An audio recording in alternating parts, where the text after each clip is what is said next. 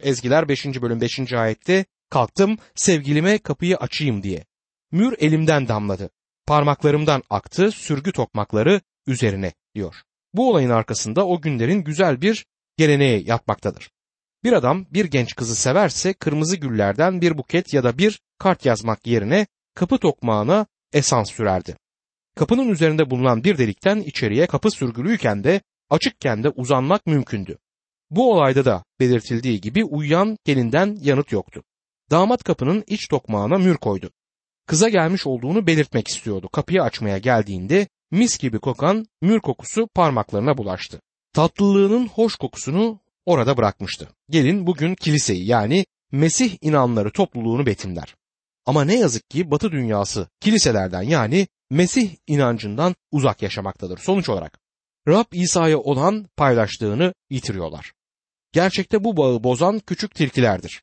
Tanrı'nın istemi dışına çıktığımızda paylaştığımız elden gider. Bu ruhu söndürmek anlamına gelebilir. Yapmamamızı istediğini yapmamak, gitmemizi istediği yere de gitmeyi istememek ruhu söndürmektir. Sanırım bugün yataklarımızdan kalkmamız gerekiyor. Tanrı için harekete geçme zamanı gelmiştir. Kalkmak için elinizi yatağınızın kenarına uzattığınızda onun hoş kokusu elimize bulaşacak. Onunla paylaştığımızın tadına o zaman erişeceğiz. Bu ezgilerin en kısa olanı ama içinde en derin anlam taşıyanıdır. Şimdi beşinci ezgiye geldik. Bu aşk hikayesinde Kral Süleyman Dağlık Efraim yöresinden alçak gönüllü Şulam kızı Yaruşilim'e getirilir. Bu ezgide gelinin gördükleri karşısında çok etkilendiğini görmekteyiz. Saray, taht, kralın ziyafet sofrası hep bu ezgidedir. Bu ezgi gelinin krala tapınışını ve onu yüceltişini de içermektedir. Kayıp koyunlardan birini beraber aramak için onu uyandırmaya geldiğinde yatağından çıkmak istemiyordu. Sonunda kalkıp kapıya gittiğinde o çoktan gitmişti. Kapıyı açtı, ona seslendi, sonra dışarı çıkıp onu aramaya başladı. Ezgiler 5. bölüm 6. ayette kapıyı açtım sevgilime. Ama sevgilim yoktu, gitmişti. Kendimden geçmişim. O konuşurken. Aradım onu ama bulamadım. Seslendim ama yanıt vermedi diyor. Görüyorsunuz paydaşlık bozuldu. Kişisel olarak inancım o ki birçok inanlı yaşamlarında bir ya da iki konuda çalışmaktadır. Yaşamlarındaki günah nedeniyle kutsal ruhu üzmektedirler veya Rabbe itaatsizlikleri nedeniyle kendilerinde bulunan ruhu söndürüyorlar. Bu onunla paydaşlığımızı bozar ve içimizdeki sevinci yok eder. Bu kurtuluşumuzu yitiriyoruz anlamına gelmez ama kurtuluş sevincimizi yitirdiğimiz ortadadır. Kesin olarak kurtuluş sevincimiz elden gitmektedir.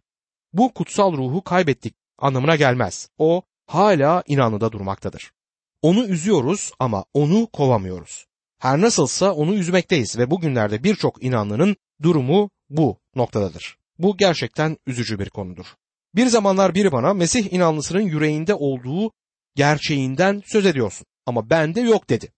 Bunun nedeni Tanrı'nın ruhunu söndüren ölü işlerdi. Tanrı'nın istemi dışında yaşıyordu bu insan. Bu adamı çok iyi tanıyorum.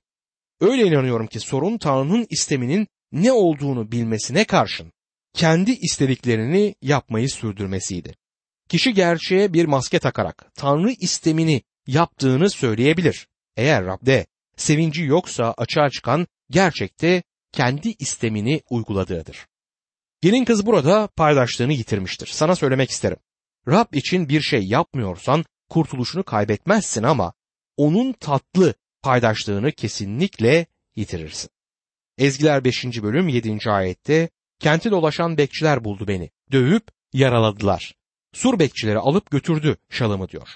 Kendi istemimizi uygulamak, istediğimizde nedenli çelimsiz ve güçsüz olduğumuzun farkına varıyor musun? Büyük heyecanla işe koyulabiliriz ama heyecanımız Tanrı ile paydaşlığın yerini asla tutmaz. Bugünlerde birçok coşkulu kişi kapıları çalıp insanlara tanıklıkta bulunabilir. Bazıları var ki bunu yapmalılar ama diğerleri yapmasalar daha iyi. Başka bir kentte yaşayan bir dostum var. Onun yanına ne zaman gitsem benimle tavla oynamak ister. Onda nezaket biraz eksik. Hatta Rab için tanıklıkta bulunurken bile pek nazik olduğu söylenemez. Bir yere yemeğe gitsek hep garsonları kızdırdığına tanık oldum. Karşılaştığımız yabancıları öfkelendirdiğini de gördüm. Bana şöyle dedi. Bugünlerde çok kişi İncil'e karşı değil mi? Kendimi tutamadım ve ona şöyle dedim. Sandığın kadar çok karşı duran olduğunu sanmam. İncil'in sözlerini hayatımızda göstermeli, ondan sonra ona yaraşan biçimde İncil'i tanıtmalıyız o kadar. Sonra Rab İsa Mesih'in kuyu başında Samiriyeli kadına yaptığı konuşmaya dikkatimi yönelttim. Samiriyeli kadının hayatında gördüğü en nazik insan Rab İsa Mesih'ti. Kadın asiydi. İsa'nın onunla konuşmasına dikkat ettiniz mi bilmiyorum ama İsa bu kadının boğazına sarılmadı değil mi? Sevgiyle ona sorular yöneltti. Sonra nezaketle eğer istersen sana diri hayat suyunu vereyim diye ona öneride bulundu. Sonunda kadın bu sudan istedi. Ama kadın suyu kendisi isteyene dek İsa Mesih ona vermedi. İnsanların boğazına sarılıp kutsal kitapla kafalarına vurmadan önce onları biraz buna özendirmeliyiz. Yaşamlarımızda olan şeyler yani sevgi, doğruluk ilkeleri Rab İsa Mesih'i tanımak için istek yaratmalıdır. Elbette Tanrı sözüne karşı duranlar var ve bu karşı durmalar hiç beklenmedik çevrelerden gelmektedir. Kenti dolaşan bekçiler buldu beni, dövüp yaraladılar. Kız zor anlar yaşar. Gerçekte onu koruması gerekenler tarafından baskı görmektedir. Bu Hristiyan çevrelerinde görülen bir olgudur. Birçok vaiz kiliselerde istenmemektedir. Çünkü vaazları kişilerin vicdanlarını rahatsız eder. Çoğu kez karşı gelmeler onu koruması gereken yerden gelir. Şimdi kız gelin yarışilim kızlarıyla buluşmaktadır. Burada tıpkı aşıkların karşılıklı atışmaları gibi ezgileri duyuyoruz. Gelin bir parça söyler, yarışilim kızları ezgiyle ona yanıt verir. Tıpkı bir opera sahnesi gibidir. Gelin ezgiyi şöyle söyler. Ezgiler 5. bölüm 8. ayet. Size ant içiyorum ey Yaruşilim kızları. Eğer sevgilimi bulursanız söyleyin ona aşk hastasıyım ben. Eğer onu bulursanız diyor onu nedenli özlediğimi ona söyleyin. Onu ne kadar çok sevdiğimi, onu aradığımı ona anlatın.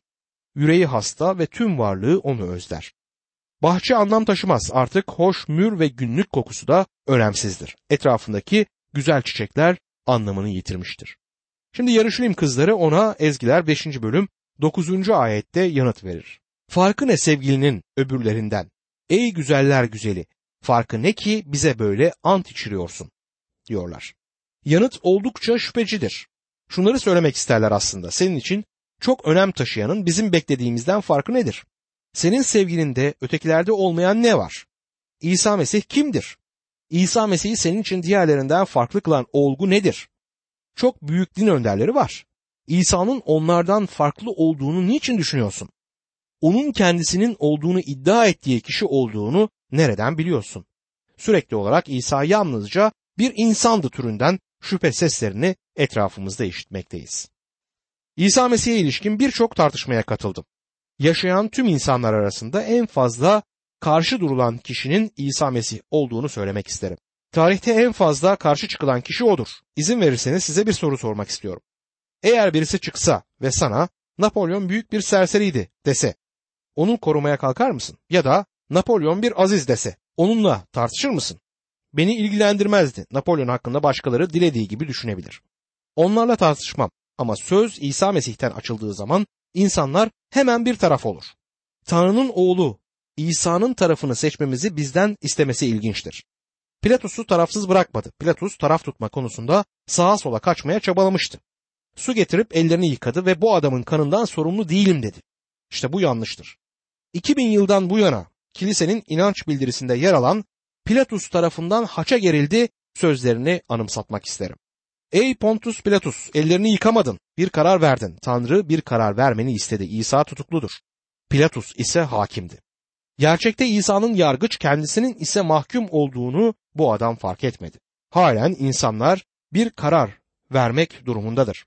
Farkı ne sevgilinin öbürlerinden diye soruyorlar. Büyük dinlerin kurucuları sıralanmıştır. Dinler tarihinde Musa, İbrahim, İsa, Gandhi, Buda ve çok iyi bildiğiniz pek çok diğer isim. Eski kilise babalarından Tertullian'a göre o günlerde inanlılar İsa'yı Roma İmparatorluğu'nun tanrılarının seviyesine indirmektense ölmeyi tercih ediyorlardı. Sezar'ın heykelinin bulunduğu yerde bile bir an için bulunmayı istemiyorlardı. Bunu yapmadılar çünkü onların sevgilisi başkaydı. O Tanrı'ydı. Şimdi gelin yanıt verecek Yarışilim kızlarına. Onların şüpheciliğine karşı konuşacaktır. Onu soğutmaya ve damat hakkında söylediklerini küçümsemeye çalıştıklarını izleyeceğiz. Ama bunlar işe yaramayacak. Gerçekte ona ilişkin sevgisinde ve seslenmesinde büyüme gösterecektir. Ezgiler 5. bölüm 10 ila 16. ayetler arasında şöyle yazar.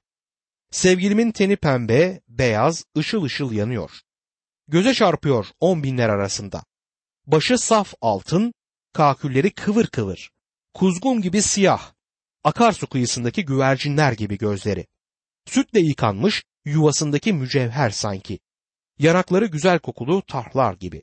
Nefis kokular saçıyor. Dudakları zambak gibi mür yağı damlatıyor. Elleri üzerine sarı, yakut kakılmış altın çubuklar. Gövdesi lacivert taşıyla süslenmiş cilalı fil dişi. Mermer, sütün bacakları. Saf altın ayaklıklar üzerine kurulmuş. Boyu posu Lübnan dağları gibi. Lübnan'ın sedir ağaçları gibi eşsiz.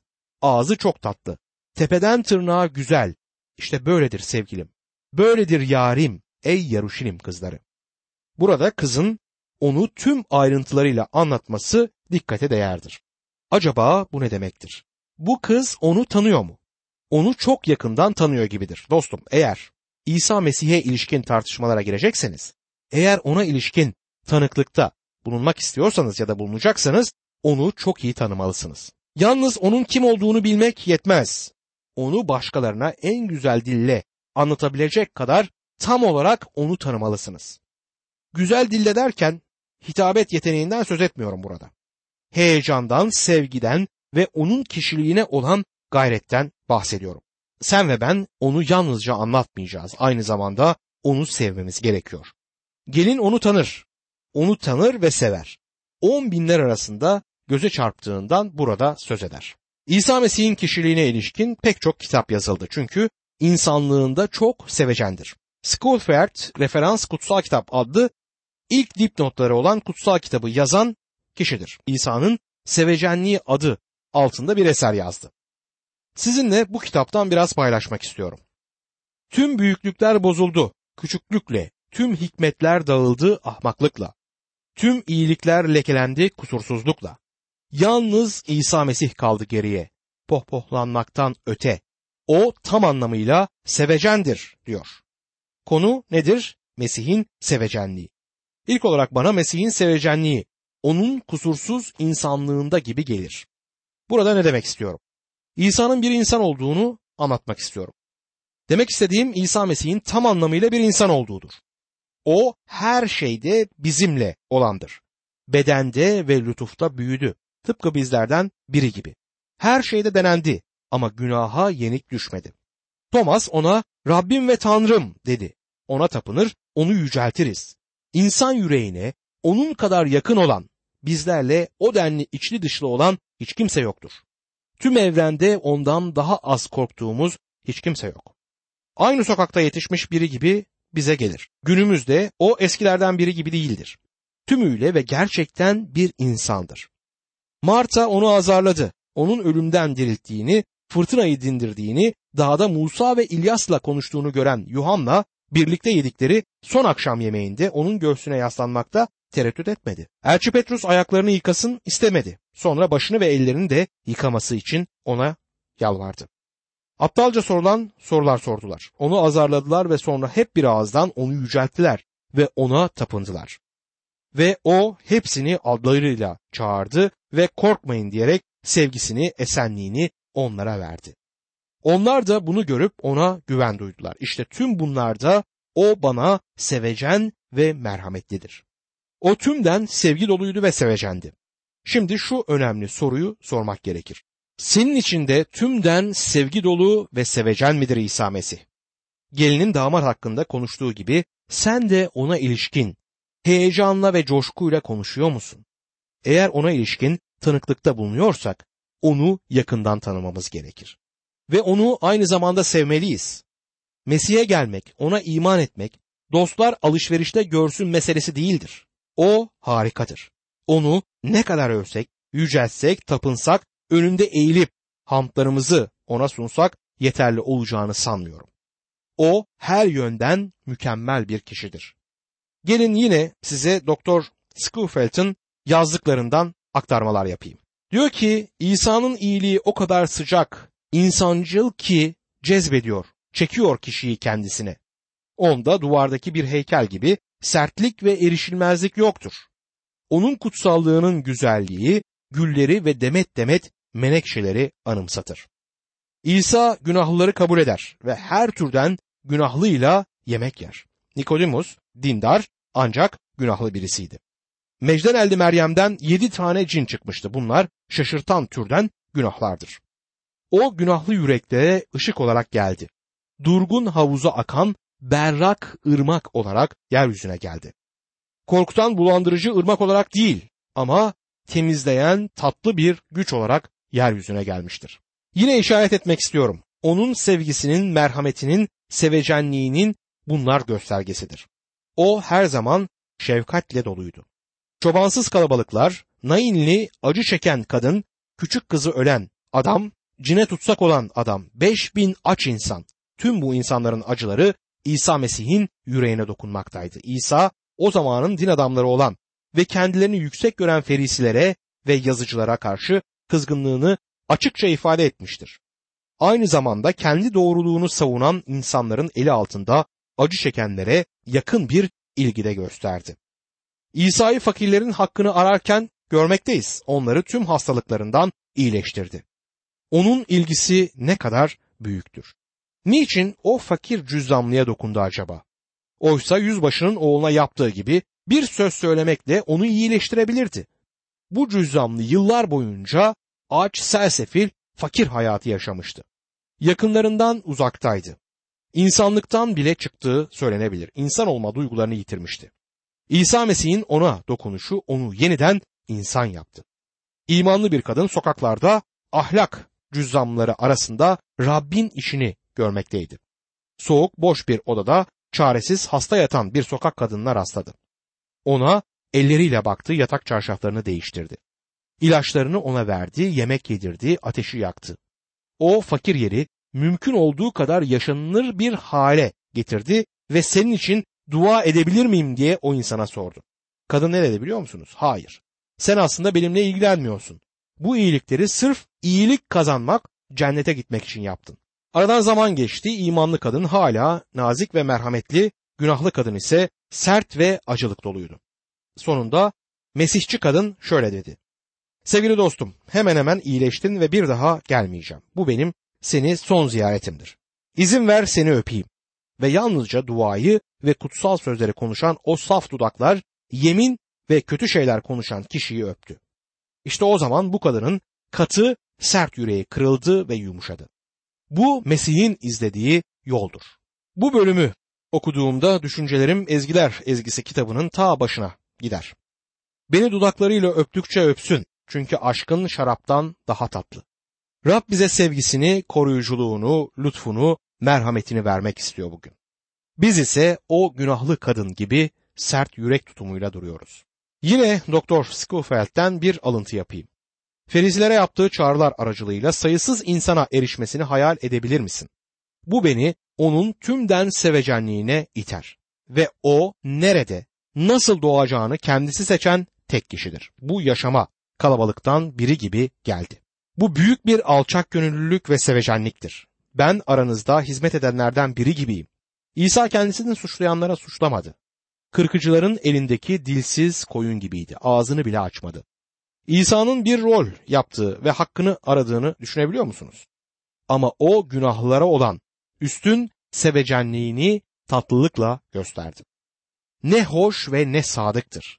Saygın ve saygı dolu biridir Rab İsa Mesih. Nikodim de ona saygı duyuyordu ama İsrail'in öğretmenlerinden biri olarak insanların gözünde küçük düşmek istemediğinden bir gece vakti İsa'ya gizlice geldi. Bu din adamı İsa'dan ayrılmadan önce öğretmen Tanrı egemenliğine atılması gereken ilk adımı engelleyen nedeni öğretti ve ona yolda düşünmesi için insanlar karanlığı ışıktan çok sevdiler çünkü onların işleri kötüdür sözleriyle baş başa bıraktı. İsa kendisine zina eden ve bu nedenle de taşlanması için getirilen çaresiz ve sessiz bir kadına konuşurken onu suçlayanların tümü birer birer dağıldığında İsa ona kadın diye seslendi. İsa bu aynı seslenişi annesi için de yapardı. Her şeye rağmen İsa bu kadını küçük görmedi, küçümsemedi. Onu Yakup'un kuyusuna dek izleyin. ve öğle üzeri Samiriyeli kadınla yaptığı konuşmayı bir dinleyin. Kadına ne kadar sabırla, nezaketle, derin gerçekleri açıklayarak yaşamını her gün yiyip bitiren günah kanserine işaret ettiğine lütfen dikkatinizi çevirin. Beytanyalı Meryem'e karşı nasıl saygı dolu olacaktı? Ölüme giderken bile çaresiz imanların yakarışlarını işitmekteydi. Fatihler uzak ülkelerdeki savaşlardan büyük ganimetlerle geri dönerler. Hırsızın günahlının ruhunu cennete almak yeterlidir Mesih için. Evet o tam anlamıyla merhametlidir ve sevecendir. Şimdi kendime hiç vakit ayırmadım. Onun tanrılığına, erkekçe tavırlarına ve büyük cesaretine ilişkin konuşmak için vaktimiz kalmadı. Mesih'te kusursuzluklar, doluluklar vardır. Kusursuz kişiliğinin tüm etkenleri sevgi dolu ve dengelidir. Cesareti yıkıcı değil dostum. Dilersen bu şeyleri kendinde araştırabilirsin. İsa Mesih'i izleyin. Onu gece ve gündüz ele verildiği ve acılar çektiği zaman içerisinde de izleyin. Yüksek kahinler kurulu önünde ona bakın. Pilatus'un önünde onu izleyin. Herodes'in karşısında dikildiğinde ona bakın. Dayak izlerine bakın. Kırbaçlanmış, zorbaca ezilmiş, yüzüne vurulmuş, tükürülmüş, alay edilmiş haline bakın. Doğasından gelene gözlerinizi çevirin. Bir kez bile dengesini yitirmediğine, yüksek ağır başlılığını kaybetmediğine dikkat edin. Kurtuluşu tatmamış günahlıları onu izlemeye çağırıyorum. Ağızları gemsiz alay eden kalabalıkla gidin ve ona bakın. Ona hacın üzerinde asılıyken bakın ve ellerini, ayaklarını delen çivilere, o korkunç çekiş seslerine bakın. İzleyin. Onu itekleyen ayak takımına, en hoş, en tatlı, en sakin, en sevecen insanın sırtındaki haçla sokak taşları üzerine düşüşünü izleyin. İsa Mesih hacını yüklenmiş, Golgota yolundayken bu insanlar onu izliyorlardı. Siz de İsa Mesih'i izleyin. Haç üzerindeki tüm haykırışlarına kulak verin. Dinleyin. Düşmanları için bağış dilemesini dinleyin. O tümden sevecendir. Günahlarımızı haç üzerinde kendi bedeninde taşıdı. Ona iman edenlerin tümü her şeyden aklanmıştır. Size gerçekten diyorum. İsa Mesih diyor ki size gerçekten derim. Bana iman edenin sonsuz yaşamı vardır. Bu tanıklığı şu sözle bitirmek istiyorum. O benim sevgilim ve arkadaşım. Sen de onu kurtarıcın, sevdiğin ve dostun olarak kabul etmek ister misin? Bu sözleri ben de amin diyerek noktalamak istiyorum. Sevgilim göze çarpar on binler arasında. O tümden sevecendir çünkü. 2000 yıl öncesi dünyanın ufkunda haça gerilen kişi sadece Yusuf ve Meryem'in çocukları mıydı? Golgota tepesinde günahların kurtuluşu için dökülen kan yalnızca bir insana mı aitti? Tanrım ve Rabbim sözleri ne anlam taşır? İşte böyledir sevgilim, böyledir yarim, yarışilim kızları. Bu gelin onu tanıdı. Onu sevdi ve onu tanımanın, onunla paydaşlığın sevincini hayatında tattı. Bizim hayatımızda da böyle olsun.